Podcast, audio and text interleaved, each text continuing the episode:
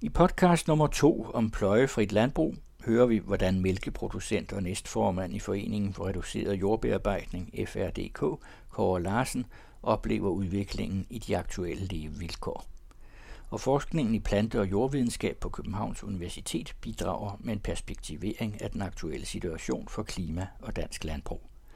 Det er Christina Grossmann Due, der indleder. Sandra Brun er lektor og forsker på Institut for Plante- og Miljøvidenskab på Københavns Universitet, og jeg har taget dig ind for at få en kommentar til udviklingen af dansk landbrug, klimaproblematikken og conservation agriculture.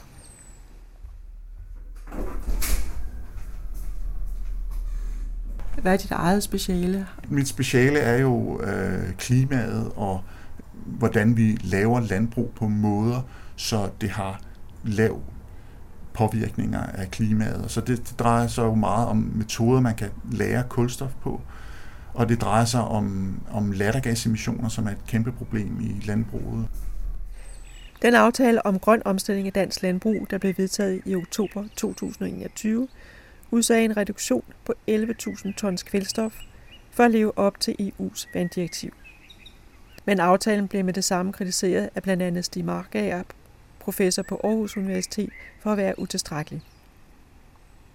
Derudover skal land- og skovbrugssektoren reducere udledningen af drivhusgasser, metan, lattergas og CO2 med 55-60% i forhold til niveauet i 1990, hvilket betyder en reduktion frem til 2030 på ca. 8 millioner tons. Når vi har landbrug, så skal vi jo gerne have en høj øh, tilgængelighed af kvælstof, og det har det med at lede til emissioner af lattergas. Så derfor er vi nødt til at prøve at finde nogle måder, hvor vi kan dyrke landbrug på, sådan så vi undgår de her lattergasemissioner. Og der er conservation agriculture selvfølgelig også en interessant, fordi at vi, vi laver meget om på landbrugssystemerne. På nuværende tidspunkt ser det ikke ud som om, at, at hvis man bare laver en sammenligning med conservation agriculture og konventionel agriculture, at man så kan reducere lattergasemissionerne men derfor så, så er der jo stadigvæk noget at arbejde med her. Det, det er muligt, at man kan finde ud af, jamen, hvordan bruger vi de her principper til at, at få lavere lattergasemissioner. Øh, så der er virkelig noget at arbejde med, men, men det er ikke nemt, det er helt sikkert. Generelt betyder den store husdyrmængde i dansk landbrug, køer og grise, at der produceres utrolig meget gødning, plus at der så også bruges meget kunstgødning.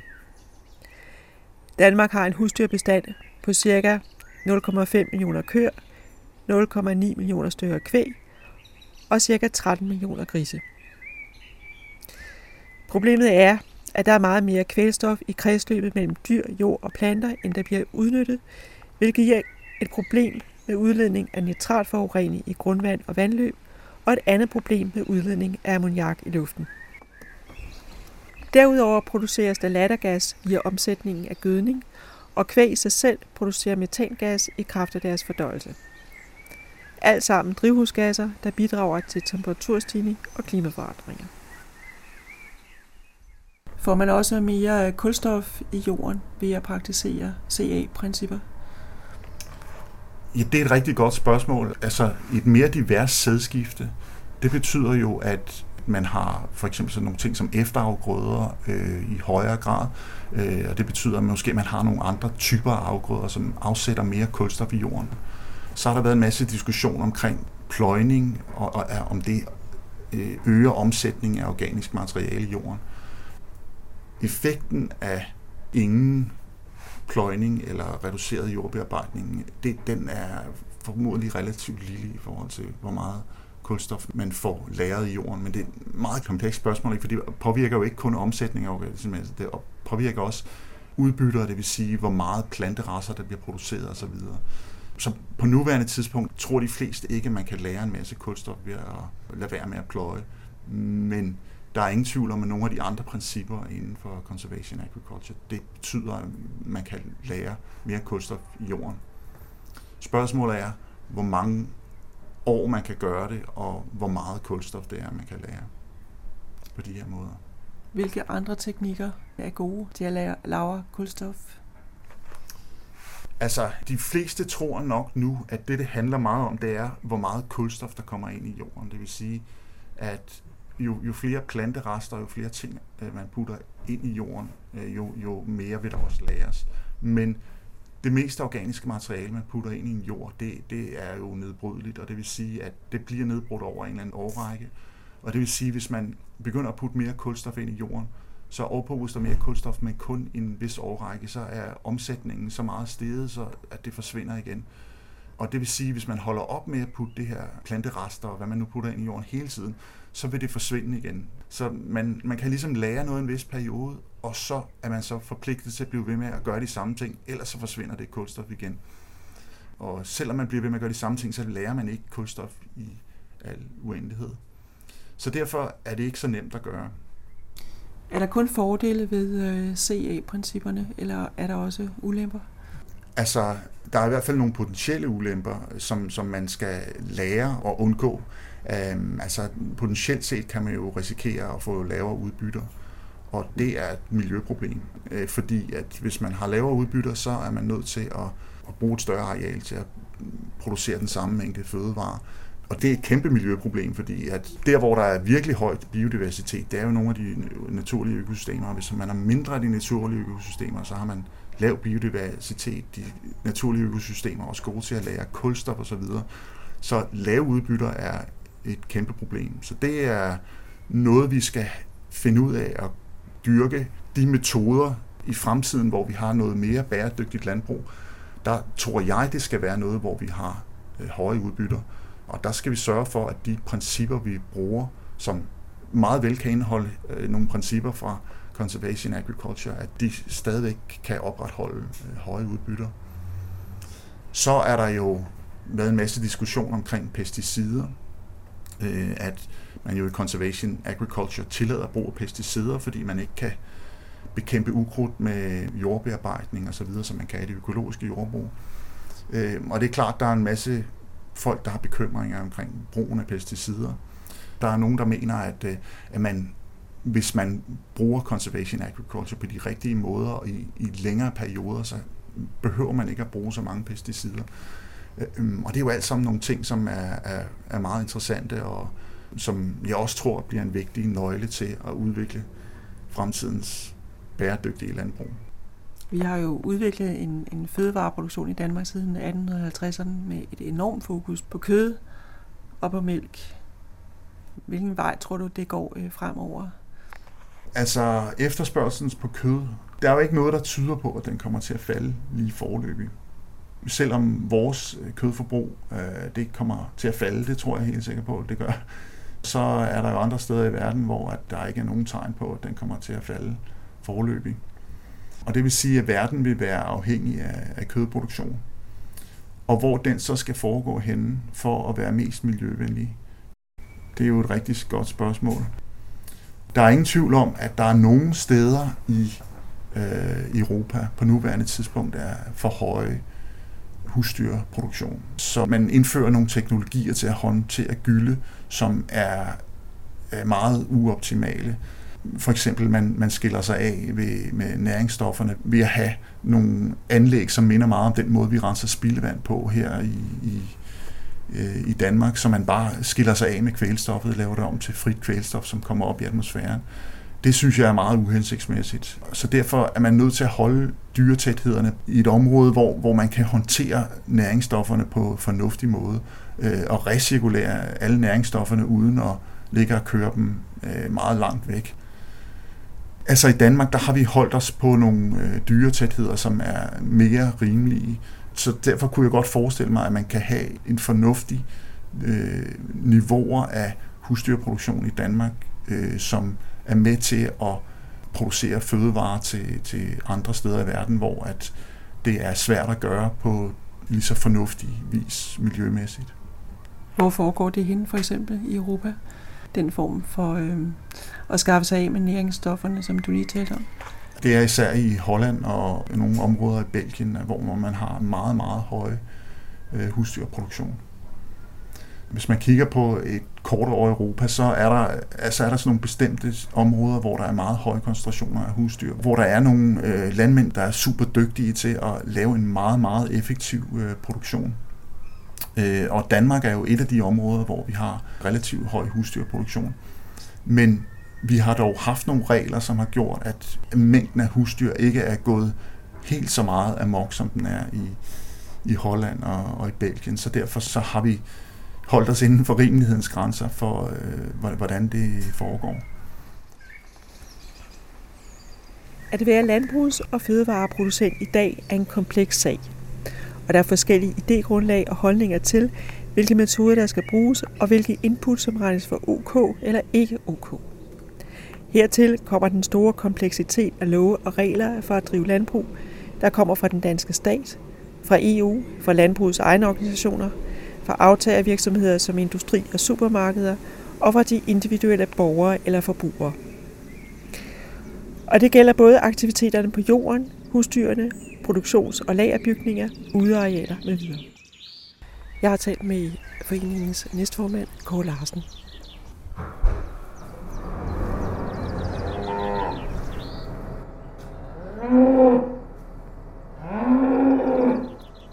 Vi begynder om en uge, så begynder vi at rive nogle af alle vores gamle staldbygninger ned og lave noget nyt byggeri, som har nogle øh, velfærdsafsnit, dels til vores dyr, eller især til vores dyr, men også lidt til os og vores ansatte. Altså, der bliver lavet et staldkontor og toilet og omklædning og bad og sådan noget. Og vi får lavet et nyt øh, tankrum, altså der, hvor mælken bliver udleveret fra. Laver vi også nyt, sådan, så vi kan leve op til Arlas øh, nyeste krav til afhængning. Kåre Larsen refererer til Arla og kategorierne med tildeling af 1, 2 eller 3 hjerter. Det handler om Fødevarestyrelsens mærke for husdyrvelfærd. Hjertemærket for gris og kylling blev udvidet til at omfatte kvæg og malkekøer i 2020. Et hjerte betyder, at ingen køer må stå bundet. To hjerter betyder derudover, at køerne skal på græs i sommerhalvåret, og at køer med kalve skal gå minimum 12 timer sammen. Og tre hjerter kræver så også større pladskrav i stallen, plus at køer med kalve skal gå minimum 24 timer sammen. Og hvor mange har du ansat? Jeg har øh, tre ansat til at hjælpe mig med, med, med husdyrene, med køerne. Øh, og så har jeg en, et årsværk i, øh, i marken til at, at hjælpe. For nogen kan det godt lyde meget, men vores stald er ikke sat op efter de mest rationelle måde. Den, den er lidt for arbejdstung, som den er nu. Nu forbedrer vi det lidt med, med de ændringer, vi vil lave. Og så skal du tænke på, at det er noget, der kører 365 dage om året. Og når man arbejder hos mig, skal man jo ikke have dårlige arbejdsvilkår end, end hvilket som helst andet sted. Så det er jo 37 timer om ugen. Og når du har arbejdet en helligdag for eksempel, så skal du enten have tillæg for det, eller også så skal du have afspacering på et andet tidspunkt. Så derfor så, så, så kan det lyde af, er lidt meget, men, men nej, nok mest i, i landmænds ører kan det lyde meget. For andre lyder det ikke så meget. Ja, og jeg selv lægger jeg øh, i hvert fald 3.000 arbejdstimer i det her om året. Altså for eksempel øh, bindestalle, de gamle bindestalle, de øh, er jo forbudt her fra 27, tror jeg det er. Så må du ikke have dyr, der er bundet op. Det er en dispensationsordning nu. Jeg må ikke i mit staldsystem og under med de, med de hjerteordninger, jeg producerer mælk under, må jeg ikke binde dyr op mere end en time max. Da vi gik ind i den øh, hjerteordning, vi er i nu her med to hjerter, der måtte vi ændre på nogle, nogle opstillingssystemer, fordi at når vi bandt dyr op til inseminøren, som så er lige er kommet, øh, så stod de der typisk i op til 4-5 timer, før han havde været her. Det måtte vi lave om på, sådan så de kunne gå frit, og så kan han lokke dem ind i sådan et noget, vi kalder et fanggitter, med noget foder, der står, og der går de hen, og så bliver de ligesom låst af sig selv. Og så kan han lave det, inseminere dem eller drægtighedsundersøge dem, hvad han skal. Øh, og så lige så snart han er færdig, så slipper han dem fri igen. Min kostal, som er en løsdriftsstald, som er bygget i 2000, den bliver ulovlig i 2034. Og ikke fordi, at øh, køerne så dør efter 2034, eller, eller får det dårligere, men simpelthen fordi, at mine gangarealer, de er 2,5 meter brede. Øh, og det har man besluttet, at det er ikke godt nok. De skal være, jeg kan ikke huske, hvad det er, 3,5 eller 4 meter brede. Så ved jeg, at vi bygger nu her, og så har vi en periode på 12 år til at have glæde af det byggeri, vi laver i år, og så, øh, så er det slut. Altså, jeg begynder ikke at ændre i min stald, så øh, forsvinder dyrene her fra ejendommen. Jamen, har ikke, der er ikke nogen, der sådan lige står på spring til at ville overtage det, og, og så er jeg 70 år på det tidspunkt, og så tænker jeg, så er det fint nok at begynde på noget, et nyt kapitel af ens liv, øh, hvad det så skal være. Men når alt det der det er sagt, så skal man også holde sig lidt for øje, at det gør, at øh, mange af de brug, som vi som forbrugere har lidt nemt ved at identificere os med og synes er sådan, som vi forstår ved en gård, de forsvinder. Og dem, der bliver tilbage, de bliver mere industrialiseret, eller det de bliver større og, og færre brug. Det er den vej, det går. Ja, fordi kravene simpelthen er så store, så Ja. det kræver så store investeringer. Ja, og det er jo nogle, nogle ting, vi selv skubber på til at... Øh, altså, jeg har jo i dusinvis af kollegaer, som er slået op i banen og har sagt, nu er det her ikke en del af mig mere, fordi at, at der bliver ved at være stigende krav til dokumentation, til whatever. Det er jo ikke kun landbruget, det er jo også i andre brancher, at det er sådan, ikke? Hvis man har været landmand i 40 år eller mere, øh, og har altid øh, synes, at man har gjort det så godt som muligt, og det, man har gjort, har været rigtigt. Altså, man har haft det godt med at gøre det, og så pludselig så står der nogen og fortæller, at det er simpelthen forkert, det du laver. Det må du ikke. Det er ikke i orden. Så er der mange, de så drejer de nøglen i stedet for at ville indordne sig efter øh, andre og nye krav. Ikke?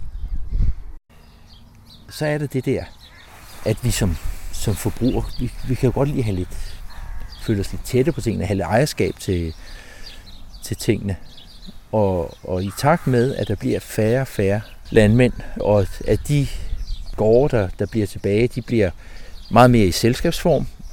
Og det vil sige, så er det en, øh, en lønnet driftleder eller en direktør, som står for det, og, øh, og dem, der er ansat, de er mere funktionsansatte, fordi at bedriften er måske så stor, så man på et kvægbrug, jamen, så er man den, der passer de små kalve, eller man er den, der malker, eller man er den, der fodrer, eller man er den, der øh, whatever. Så hele den der sammenhæng og, og den, den fulde forståelse af tingene, den går måske også øh, lidt fløjten. Og så hele fortællingen om vores landbrug. Du skal tænke på, at du skal ud og rekruttere iblandt de unge mennesker, for hvem hele verden ligger åben. De har alle muligheder i verden. Hvis du har lavet en fortælling om erhvervet, der er lidt halsløg, sådan med, at det er sgu også de bønder der, de sviner jo det hele til.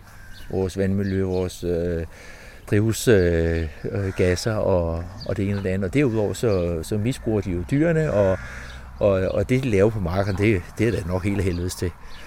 Så, så vi skal helst undgå dem. Hvorfor som ung menneske, hvorfor skal du gå ind og starte op på en kampplads, hvis du kunne blive hvad som helst andet, hvor der vil komme nogle klapter på ryggen?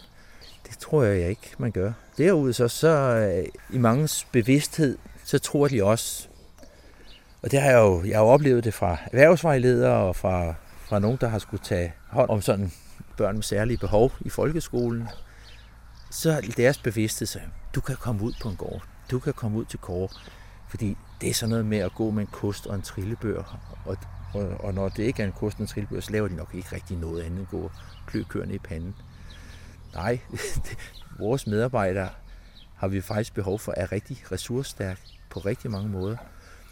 Og det er noget med, at vi har et hav af tekniske hjælpemidler, som er nødvendige for at få det her til at fungere godt nok og optimalt nok.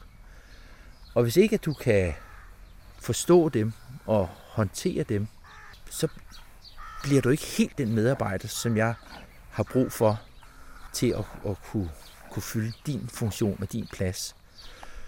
Og samtidig så skal du være så dedikeret, så du, så du gider at kigge på hver enkelt dyr. Altså du gider kigge dem i øjnene. Du gider se efter de tegn og signaler, der er på, om, om man har det godt eller man har det mindre godt som dyr.